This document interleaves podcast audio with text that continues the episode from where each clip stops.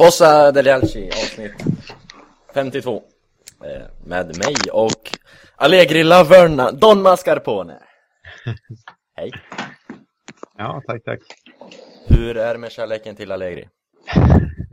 Den är, den är väl kanske lite högre än, än medelsupportern i, som håller på rödsvart, men eh, den är väl inte högre nu än annars. Okay.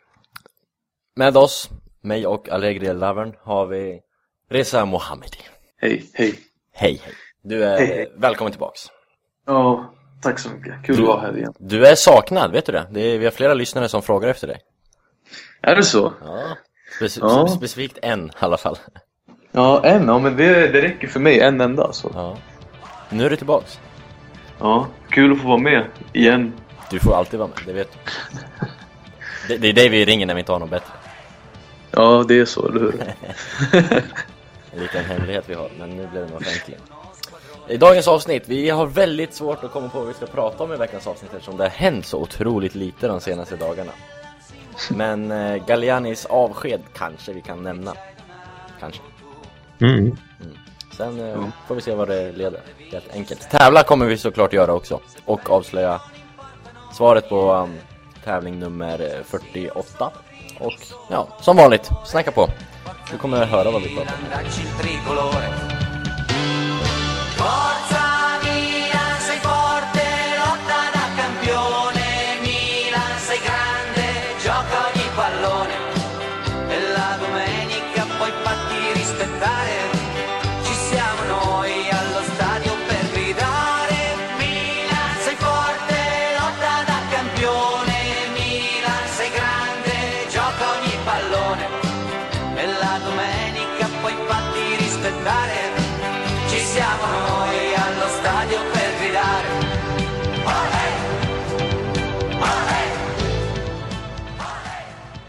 Vi börja prata om eh, Celtic, Milan? Mm. 0-3. Var kom det ifrån? Andreas? Alltså jag tycker inte det är helt otippat ändå med tanke på kvalitetsskillnaden mellan lagen. Ehm, men eh, alltså om man, nu ska vi inte prata om Genoa först kanske, men jag tycker ändå att vi spelar bra mot eh, Genoa. Eh, och ja, Balotelli har sett bra ut en tid och så vidare. Kaká har sett bra ut. Det, det känns som att det var på gång att det skulle bli, ge utdelning i målprotokollet. Eh, och Celtic är, här, alltså det är inget bra lag alls. Men de brukar, brukar ju vara starka på hemmaplan. Har slagit Ja. Ajax och slog Barcelona där förra året. Ja, och har förlorat ytterst få Champions League-matcher de senaste åren. Mm. Alltså ytterst, ytterst få när jag kollar statistiken som jag inte kommer ihåg nu.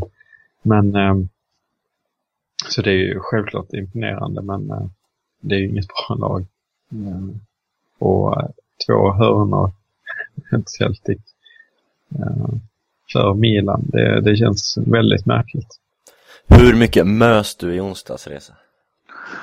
Alltså jag mös eh, rätt så mycket. Också på grund av det här med att vi gjorde faktiskt två stycken hörnmål. Och eh, jag skrev ju på Twitter att eh, den här dagen borde alla minnas för evigt för alltså jag kommer inte ihåg senast vi gjorde ett hörnmål överhuvudtaget. Men att vi gjorde två hörnmål, ja, det var länge, väldigt, jag tror, jag undrar om det ens har hänt alltså. Det, eh, de senaste typ tio åren. Det känns som att vi alltid har varit rätt så svaga på den delen. Men så går vi och gör två hörnmål nu mot Celtic. Och det var ju det man hade flaggat för innan. När lottningen var klar. Det här med att vi, var, vi, vi är ju, eller var och är så usla på fasta situationer. Så ska vi möta Celtic som är bland de bättre lagen när det kommer till fasta. Så går vi istället vi som gör två mål. Så det var ändå lite, så, lite ironiskt. Eh, men eh, det som var kanske mest förvånande det var att vi ändå vinner så övertygande och med tanke på, ni nämnde det här med att de är starka på hemmaplan. Jag tror de hade fyra förluster på 24 Europamatcher på hemmaplan. Och det säger ju ändå rätt så mycket om att det är ändå ett bra hemmalag vi möter. Så går vi dit och vinner med 3-0 och vi, jag tycker vi hade bud på fler mål om vi hade eh, spelarna hade haft lite mer skärpa hade vi kunnat ge fler mål också till och med. Så Ja, så det var ju ändå lite förvånansvärt var det ändå. Att vi, jag, hade, jag hade föreställt mig att det skulle bli en tight match. Eh, kanske hoppas på udda målseger eller något dylikt, men ja. Jag kan inte klaga. Det är 3-0, 3-0 liksom. Då kommer ju den logiska frågan är, var det här en tillfällighet eller? Andreas, du sa att du såg en, en förbättring över tid här. Ja, det kanske bara inte, det kanske bara var jag som såg den, men som Balotelli eh, så nu mot Celtic så har han ju fantastiskt eh, ut i rent inställningsmässigt. Ehm, Kaká har ju varit alltså, makalös. Ehm, Uh, de som kritiserar honom uh, för, måste väl ha krypit i korset nu som, som jag bad dem göra för någon avsnitt sen. Mm. För han är ju han är ju så viktig på alla sätt med mentaliteten. Allting som han värvades för om man bara ser det PR-mässiga och sen så um, det han tillför laget i mentalitet. Men också så är han lagets bästa spelare just nu. Eh, man kan ju säga att han förtjänar de fyra miljoner euro han, han får med tanke på att han dessutom kom gratis. Mm. Liten parentes, fyra miljoner euro får ju också Filip Mexes. Mexes. Eh, han har solat för mycket solarium med ögonen öppna så hans ögon mår inte, eller öga i alla fall, mår inte så bra. Vad, vad var eran, Reza, vad var din reaktion på det när du hörde Nu är det Tutu Sport som har skrivit det här med solariet, men ändå, vad tycker du? Nej men eh, det här DT-livet, diskoturkslivet, är ju viktigt. eh, Så jag förstår, jag förstår, jag förstår ju eh, Mexes, alltså han behöver ju sola. För att hålla igång det här. Det är ju, den här imagen är viktig så. Sen kan det ju gå snett ibland, men då får, får man ta det liksom. Men ja. Du, du approve alltså, Reza approve Ja, det är approved alltså. Det är... Då kommer jag också in på den här eh, bilden som nu har börjat cirkulera men som väl är gammal på Kevin Constant när han poserar endast iklädd svart fluga. Den, den, den är inte approved. Inte? Vad, Nej, vad, är... vad skiljer Mexes och Constant där? Eh, ja, alltså det... Ja, jag vet inte. Det... Jag tycker inte det klär liksom konstant den där rollen att vara en sån där... Jag vet inte om man kan kalla honom för DT, men någonting är han ju. Han är ju speciell på sitt sätt, men jag tycker inte det där klär honom riktigt. Eh, Jag tycker Mexes borde... Mexes är ju den som borde ha liksom, borde vara ansiktet utåt eh, när det kommer till DT-ligan, så... Ja. Ja. Briljant. Celtic tillbaks. Eh, Alle- Allegri, ska, han ska han hyllas efter det här? Eller var det spelarnas förtjänst tycker du Andreas? Eh, alltså alla tränare som eh, använder sig av Djurgårdsformationen bör hyllas i, i min mening. Eh, Trots att det är november, ja, precis. som du skrev på Twitter. Eh, som skrivs på Twitter. Men det, jag, jag älskar ju den formationen och uh, Kaká älskar ju också uppenbarligen den formationen. Gör Walter Birsa det? jag vet inte om vi ska anpassa vår formation efter Walter Birsa. Nej, ska han vara med i formationen om jag? Det kommer ju en Honda i januari som säkerligen passar i den formationen. Mm. Som gjorde en usel match mot eh, Bayern München. Så jag hoppas inte folk som såg den matchen gör sin bedömning av honom på det.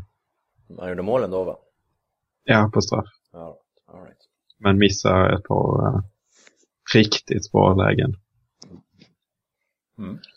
Eh, Men vi får inte glömma bort att Birsa kan slå hörnor som Allegri eh, var, inte var sent ute att påpeka med efter matchen. Han kan slå hörnor i alla fall, Birsa. Så ja, någonting är han bra på. Ja, ja han gjorde två assist eller i princip. En och en halv assist i alla fall. visst har han sina, sin vänsterfot liksom, men eh, det är ju inte så att Kaká kommer att stå där och nicka in hörnor i Serie A. Eh, eller någon annanstans egentligen. Det var ju absurt faktiskt. Sen får vi inte glömma bort att El Shaarawy också snart kanske är tillbaka. Han skulle nog kunna spela det eh, bredvid Kaká bakom Balotelli. Alternativen kommer. Birsa kanske får Ja. förflytta sig till bänk eller till mittfältet där han ju spelade lite mot Genoa sist. Men, eh, Få- ja. Man får hoppas han accepterar det. Ja. Fra, framgången har inte stigit över hans huvud bara. Mexes kanske har tagit med honom till solariet och stökat. Nej, han, har, han, har, han har inte näsan för att vara en DT. Han har inte... Alright, eh, Jag tänkte prata om eh, mannen längst bak i försvaret. Och då tänker jag såklart på Kaiser Franz eh, Danne Bonera Bauer. Som... eh, hur bra var inte Bonera mot Celtic? Kanske var hans bästa match i Milan-tröjan. Punkt. Andreas? Ja, det. Det, är- det är ett stort, eh, eh, väldigt stort eh, beröm. Jag kommer, vi minns en match mot Barcelona som han också gjorde väldigt bra för några år sedan när de katalanerna var så himla nöjda med att de skulle möta Antonini och Bonera och sen så spikade de igen fullständigt. Just ja, just ja. Eh, det, men eh, visst var han eh, riktigt bra och speciellt kommer jag tillbaka från skada och spelar så bra.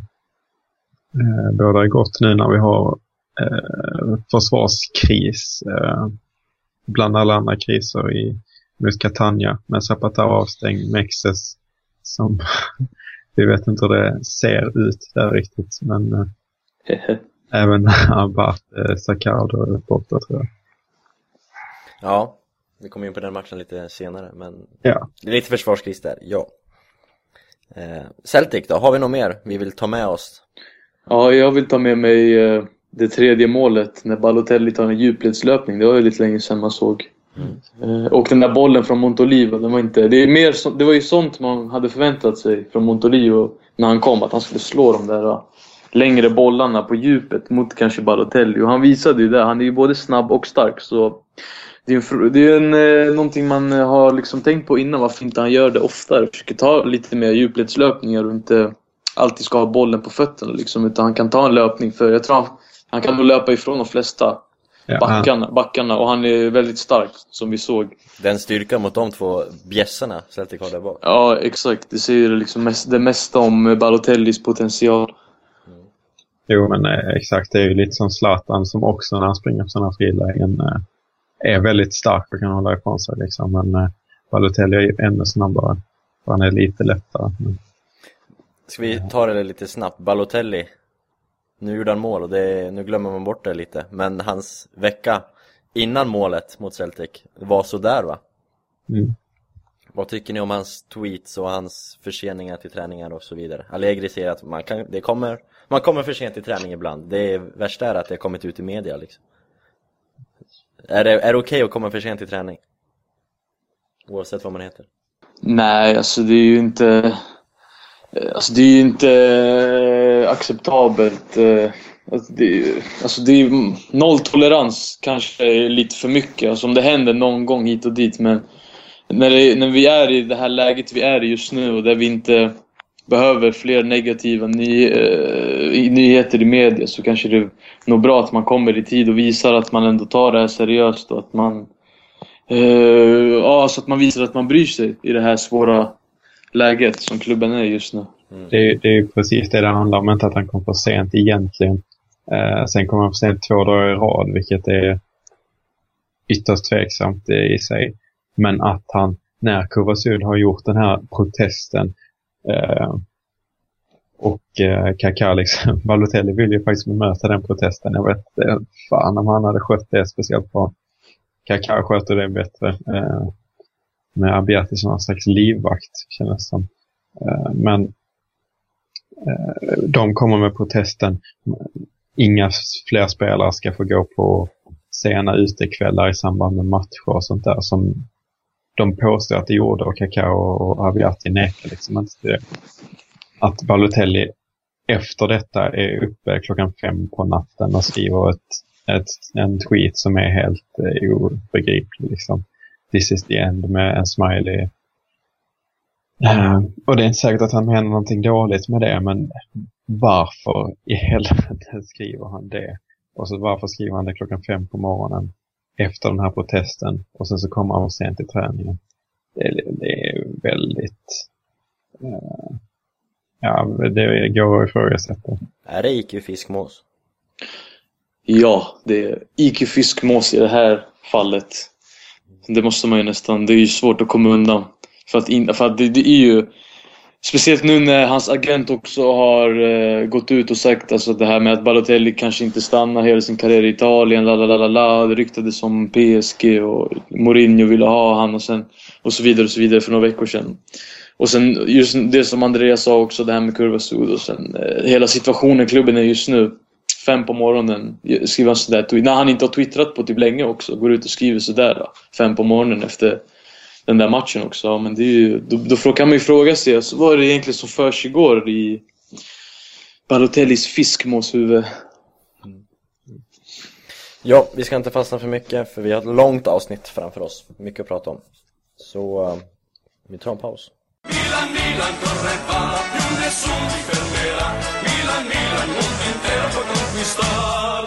Ska vi köra lite snack om den kommande matchen vi har på söndag, Catania, innan vi sen avslutar med tävling och med Galliani. Men Catania, eh, på, det är en lunchmatch igen. Har ni saknat lunchmatchen? Ja, det... Ja, det Jag kanske ska rikta frågorna, det blir lite enklare då. Andreas, Ja. har du saknat lunchmatchen? Ja, men lite har man väl ändå. Men sen så är det ju ett eh, förfärligt påfund. Men man vill ju att alla matcher ska spelas 1500 samtidigt vill man ju inte det. För att då kan man se en 10-11 matcher i per helg liksom. Och man kan få uppleva de här fantastiska kvällsmatcherna som ofta är. Och sådär. Så att, ja, men jag får väl eh, jag får väl erkänna att jag trivs ändå rätt så bra med spridda matcher. Resa var, eh, det är en lång resa eh, och sen har vi resa, det är en lång resa eh, Men det är en lång eh, flygresa till, eller lång och lång, men det är, ja det är den längsta bortamatchen vi har i princip Mot Catania Och sen spelar vi så här på, vid lunch Det är ju, alltså spelarna är inte riktigt vana med det, tror du det påverkar? Eller är det samma för alla? Nej, jag tror de ändå är rätt så vana eh, vid det här eh, med att åka.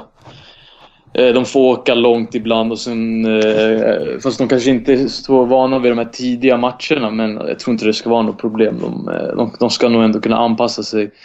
Eh, sen jag föredrar de här, eller inte de här, jag föredrar att vi inte spelar kvällsmatcher. I alla fall inte den här säsongen för eh, för kvällsmatcher då vet man ju att alla, alla ögon riktas mot den där matchen.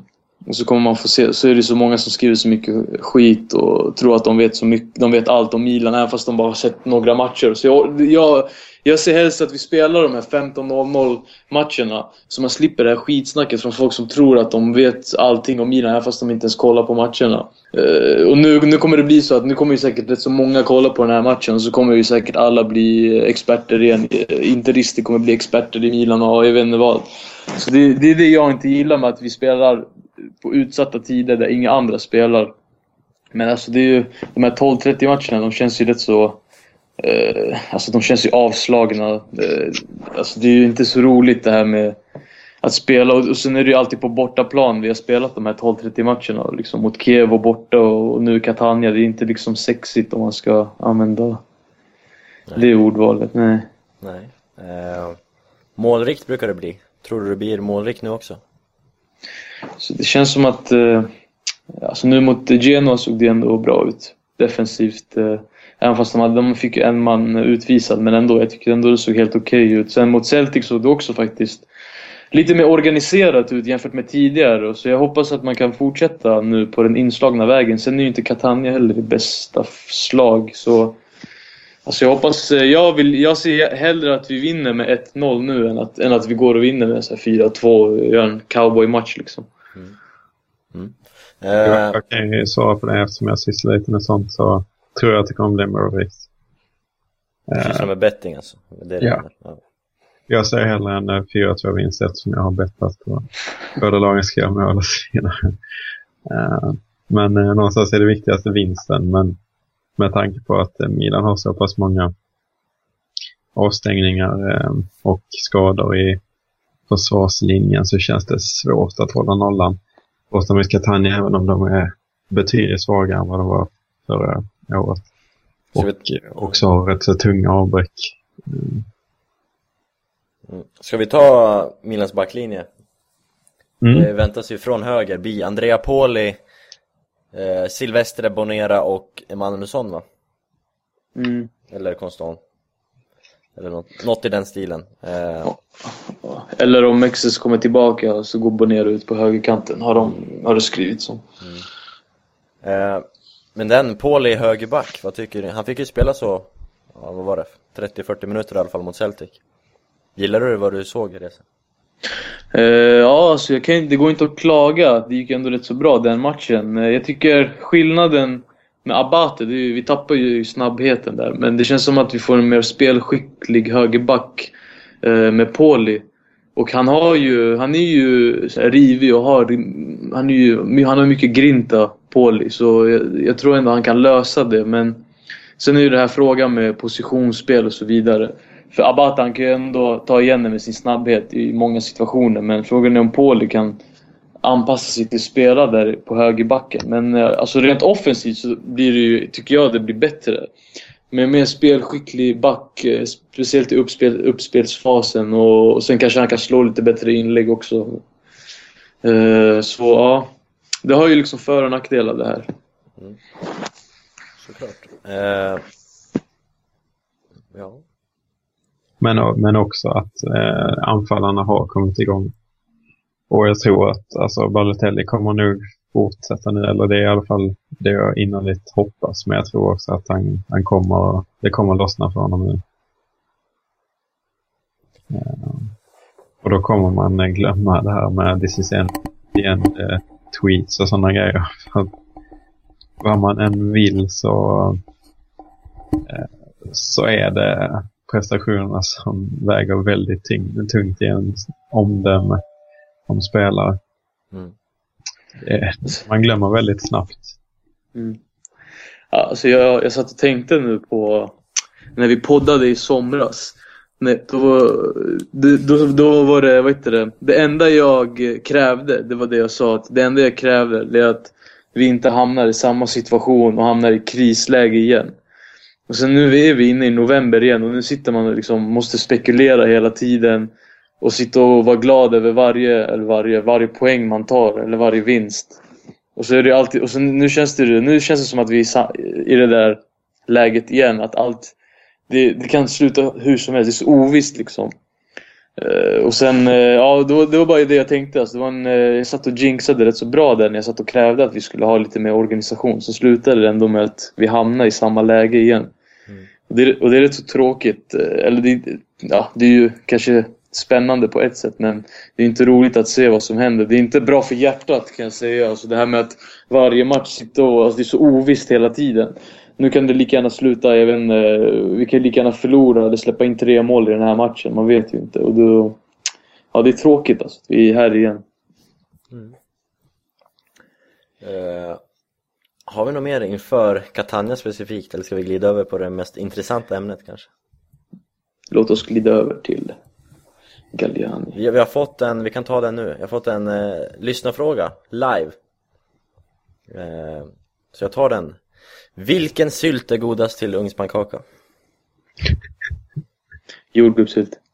Nej, det, alltså det är det enda, det enda svaret jag inte accepterar är jordgubbssylt faktiskt. De här jävla konstgjorda jordgubbssmakerna, de, eh, de, nej. Nähä, vad har du för, vad är rätt då? Ja, Lingon, men- lingon säger jag Li- Lingon är närmast till hands, absolut. Ja, jordgubb. Kör på jordgubb. Säg åt hen och köra på jordgubb. Milan, Milan corre va, più nessuno ti fermerà. Milan, Milan, mondo intero può conquistar.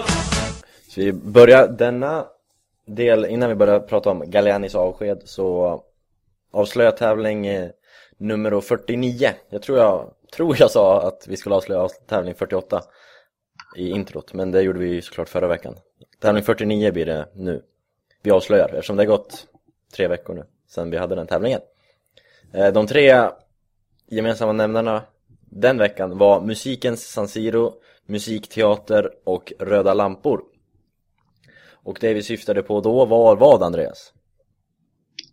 La Scala. Ja, La Scala, eh, operan som ligger i Milano som är världskänd.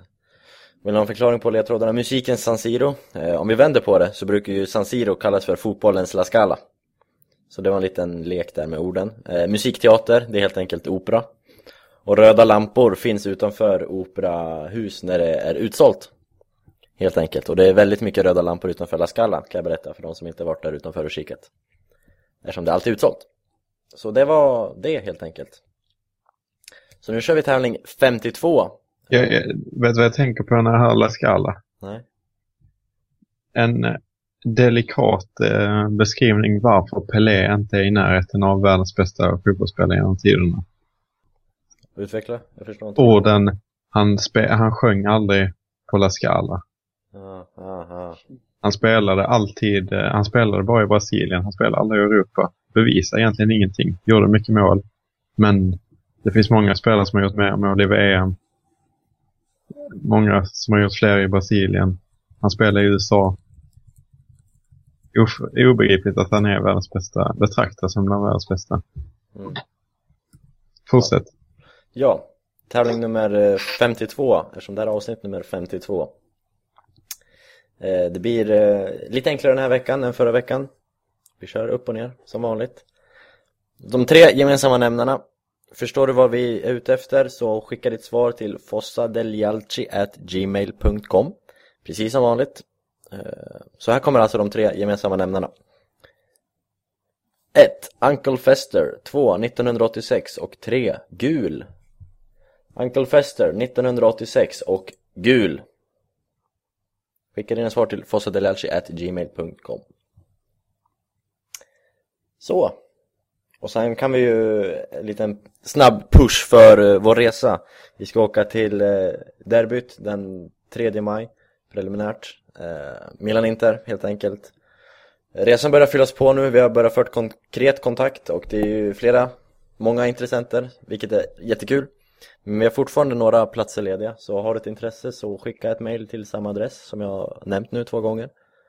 fossadelalaci.gmail.com Tre gånger. Om du vill följa med helt enkelt. 3400 kostar det och den arrangeras tillsammans med nickes.com.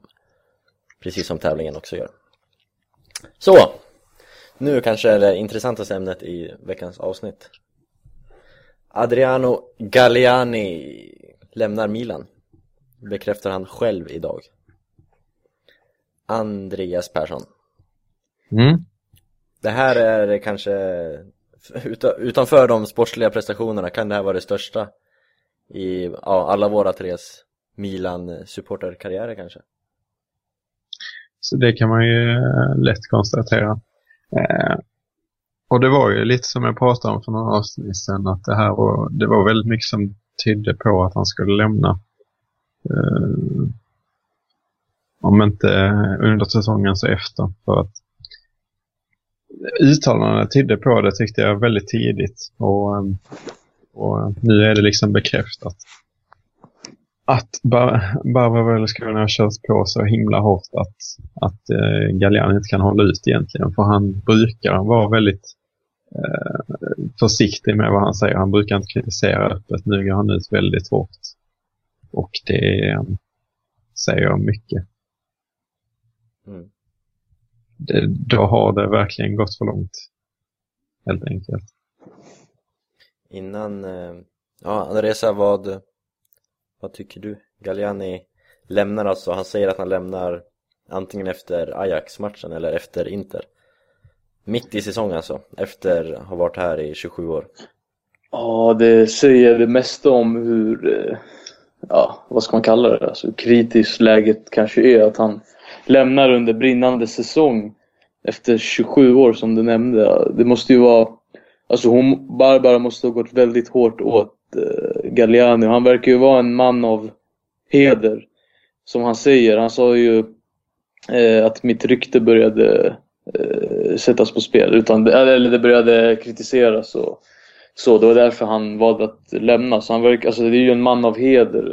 eh, Så, eh, alltså, man ska kanske jämföra med en annan person, typ Allegri, så, som ändå som stannar kvar trots all skit han får. Så Galliani verkar inte vara en sån som tar skit utan eh, han sätter sin heder på, mycket på spel och det är väl jag, jag respekterar det. Jag hade inte heller velat efter 27 år sitta där och behöva ta skit från någon som inte har eh, gjort eh, 0,00001% av vad han har gjort i klubben. Eller för klubben. Så ja. Vad kommer det här betyda då, Andreas? För säsongen nu, men ja, vi kan ta det först. Vad, vad kommer det, tror du kommer påverka nu?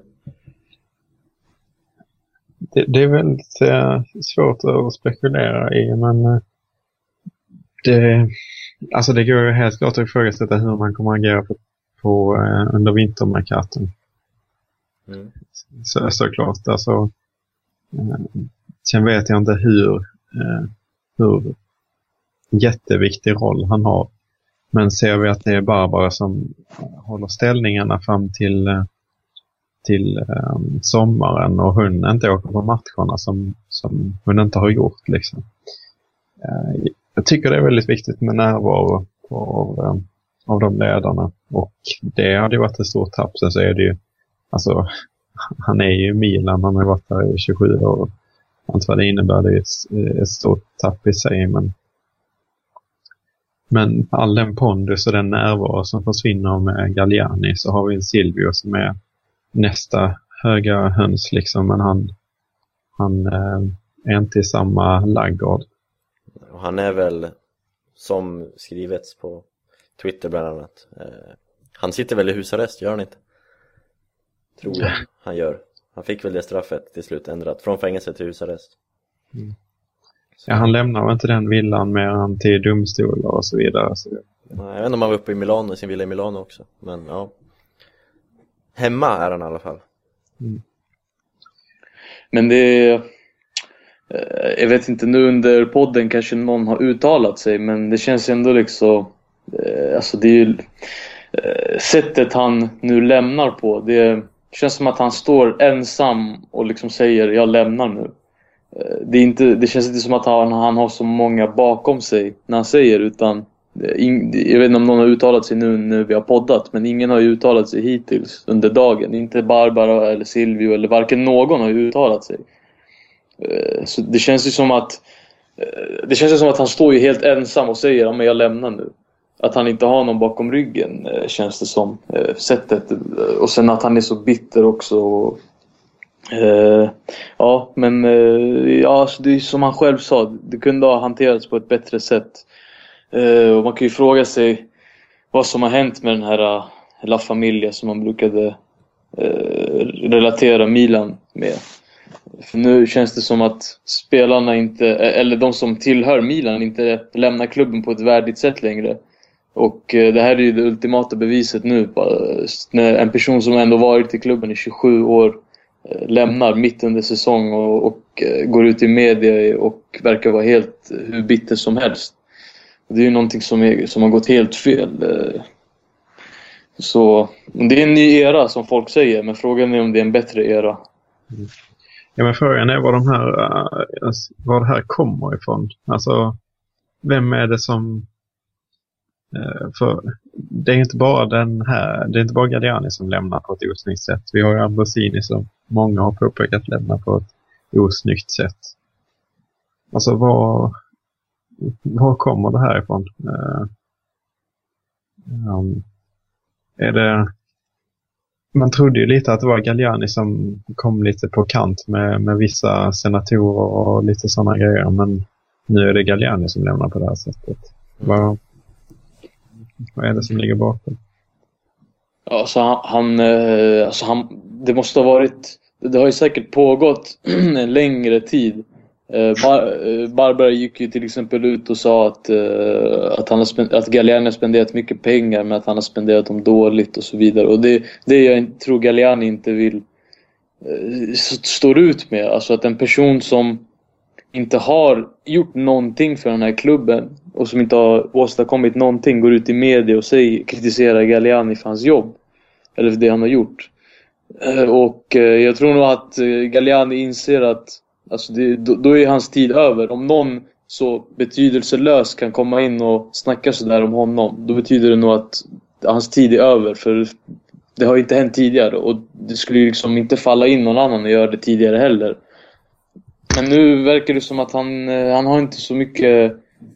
Han har ju framförallt inte Berlusconis stöd, känns det som. Det är ju möjligtvis därför han... Han känner nog kanske också det och ja, känner nog att men eh, nu är min tid över här. Nu, innan det går för långt liksom.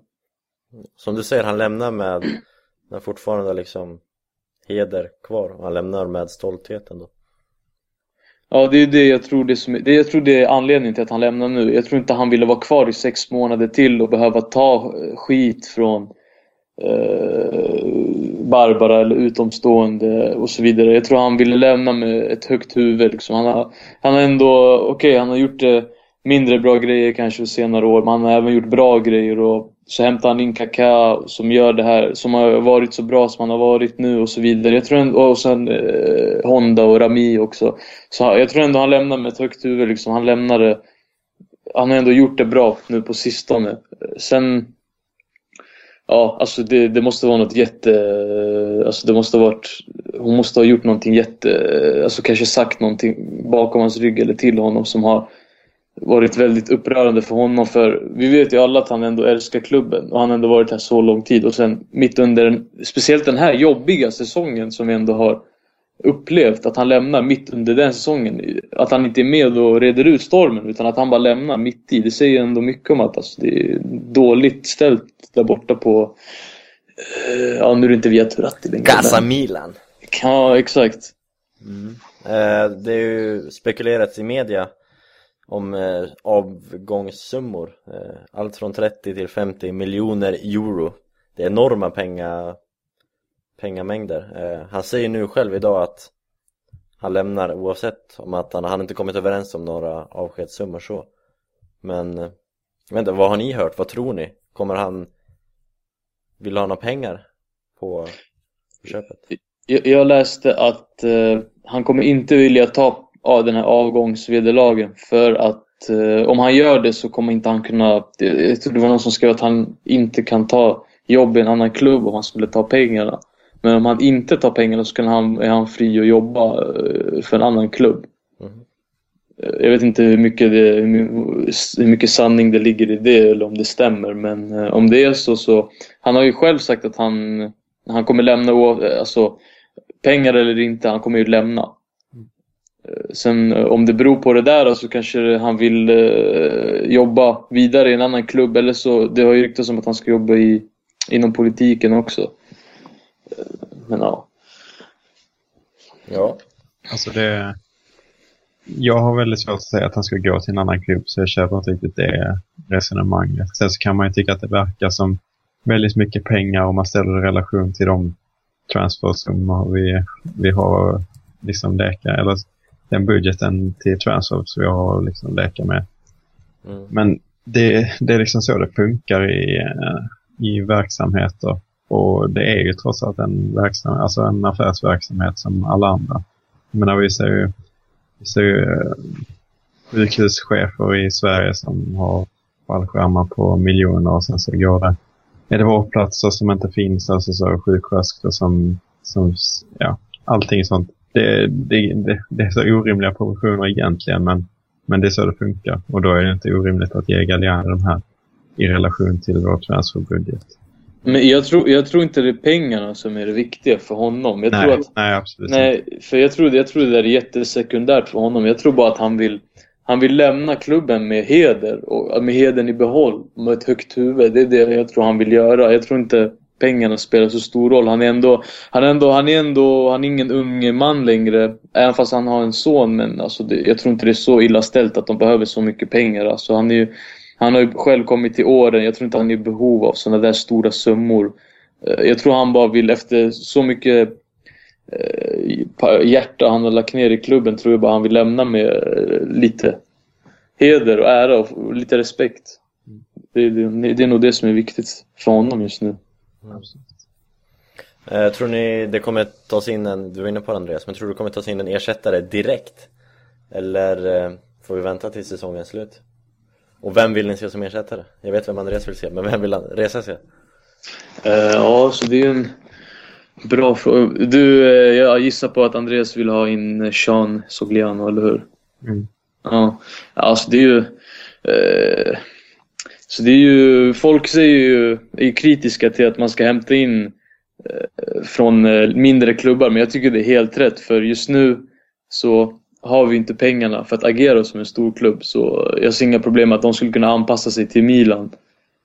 Som ändå, det är ändå en eh, begränsad budget vi har att handla med så jag tror inte det skulle vara något problem för dem att kunna hämta, eh, alltså fynda. Eh, så, men alltså, jag, har, jag har ingen personlig favorit sådär som jag skulle vilja ha in. Jag vill, alltså jag vill bara se att man lägger upp en röd tråd, alltså en klar struktur och sen börja arbeta utifrån, utifrån det. Så att man kan då börja bygga upp eh, ett nytt Milan igen från grunden.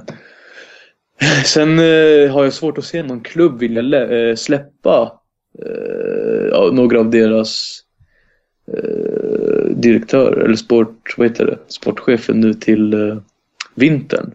Det kommer nog bli svårt att lösa det där. Då. Så det kommer ju få bli under sommaren men eh, ja, så får vi se vem det är som rattar eh, nu under fram till sommaren. Men eh, jag- alltså jag har ingen sån där personlig fa- favorit som jag skulle vilja säga. Jag vill bara se, som sagt, med en struktur.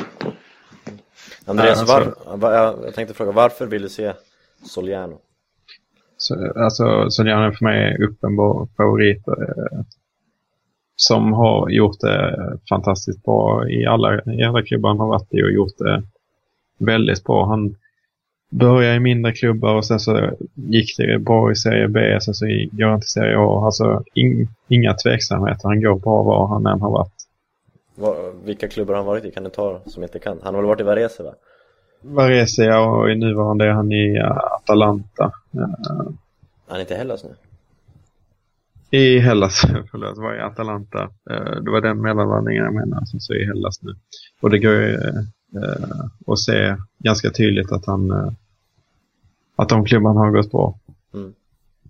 Eh, Varese i och för sig inte inte i eh, Serie A, men, men de har varit nära. Mm. Mm. Jag, jag undrar hur det blir med Braida och eh, typ Gandini och de här, om de också får lämna. Som, som jag har förstått det så ska Gandini vara kvar. Mm. Men det, det kan ju hända väldigt mycket. Men han är ju liksom en diplomat som inte ens eh, Barbara kan störa sig på. Med tanke på, han la ju retweeten i morse eh, på Tancredi eller Tancerdi eller hur det uttalas, Palmeri av alla människor. Så retweetade ju Umberto Gandini hans breaking, eh, eller Gazetten hävdade att Galliani lämnar typ. Det var ju Gandini och retweetade eh, och svarade sen på en fråga också om det var någon som frågade om Galliani, om det var bara skitsnack, då sa jag inga kommentarer liksom, bara de, de två grejerna tycker jag indikerar på att han är på Barbaras sida liksom Ja, det skulle kunna vara... Eh, ja, om man ser det från, på det sättet så kan ja, det kan, kan ju vara så.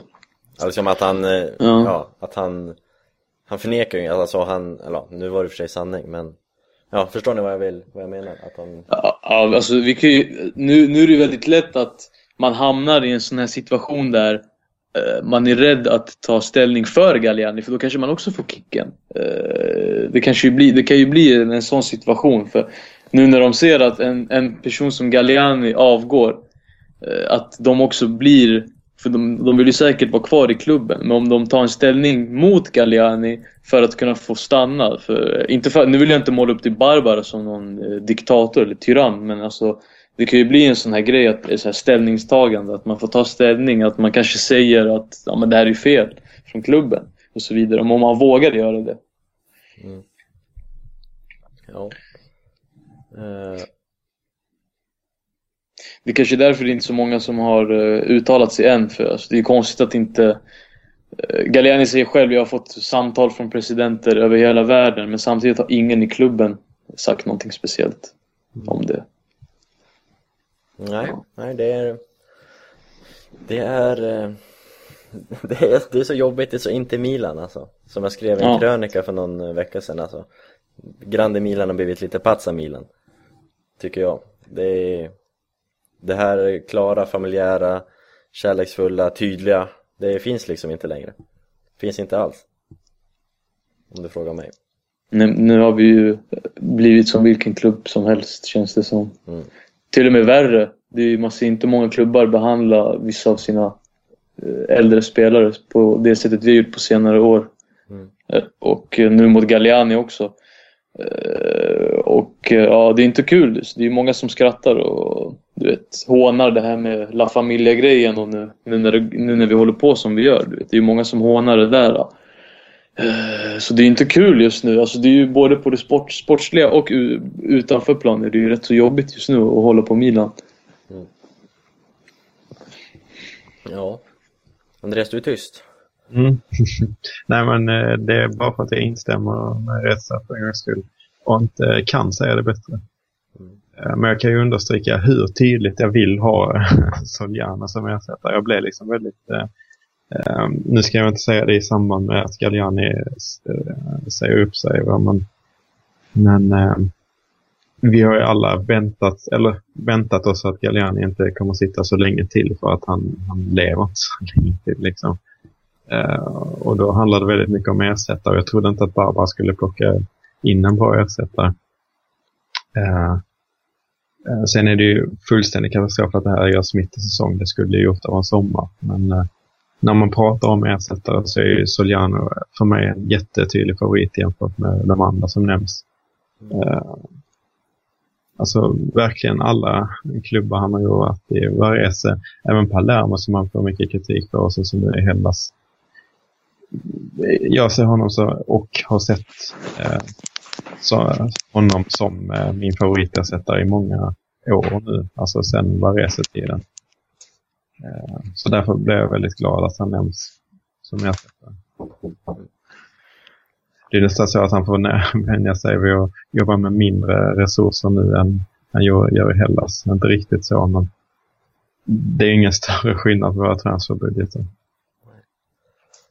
Nej, det med lite sorg i, i rösten vi får avsluta det här. Vi kommer ju såklart komma in på det mer om en vecka och om två veckor och om tre veckor förmodligen. Eh, Men nu måste vi avsluta för avsnittet börjar bli rätt långt. Mm. Mm. Ja, resa? Jag, tycker, jag tycker alla ska gå in och kolla på uh, Gallianis firande av Pippos 2-0 mål i Champions League-finalen. Så det är ju det han är för Milan liksom.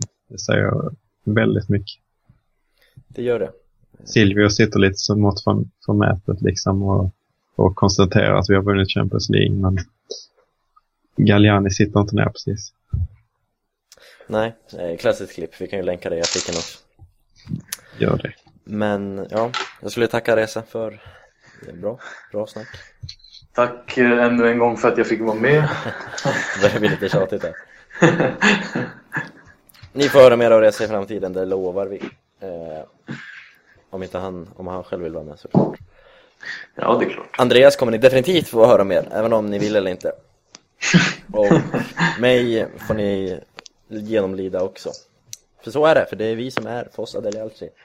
Så är det är. Eh, gillar du avsnittet så finns vi på Twitter och det finns ett kommentarsfält som alltid är öppet för dig att skriva i. Det är kul när ni skriver. För feedback och positivt eller negativt, det är, ja, det är utvecklande för oss, såklart. Eh, annars så hörs vi igen om en vecka. Hej då! Ciao.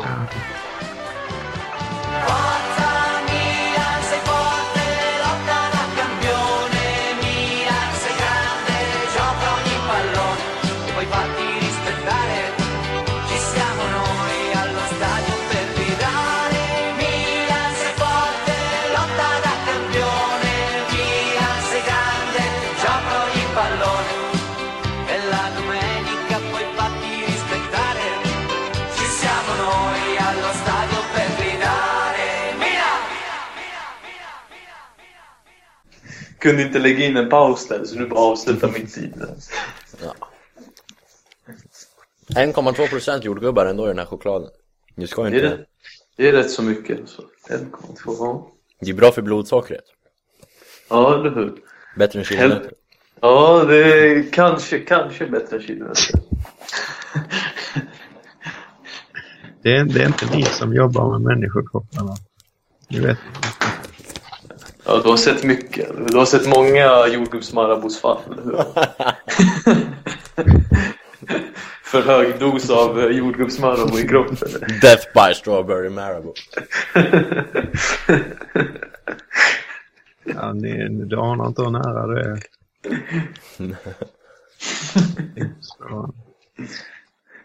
Mm. Men bra, då är vi klara. Kommer ut strax efter, eh, efter den här andra, Calciomania.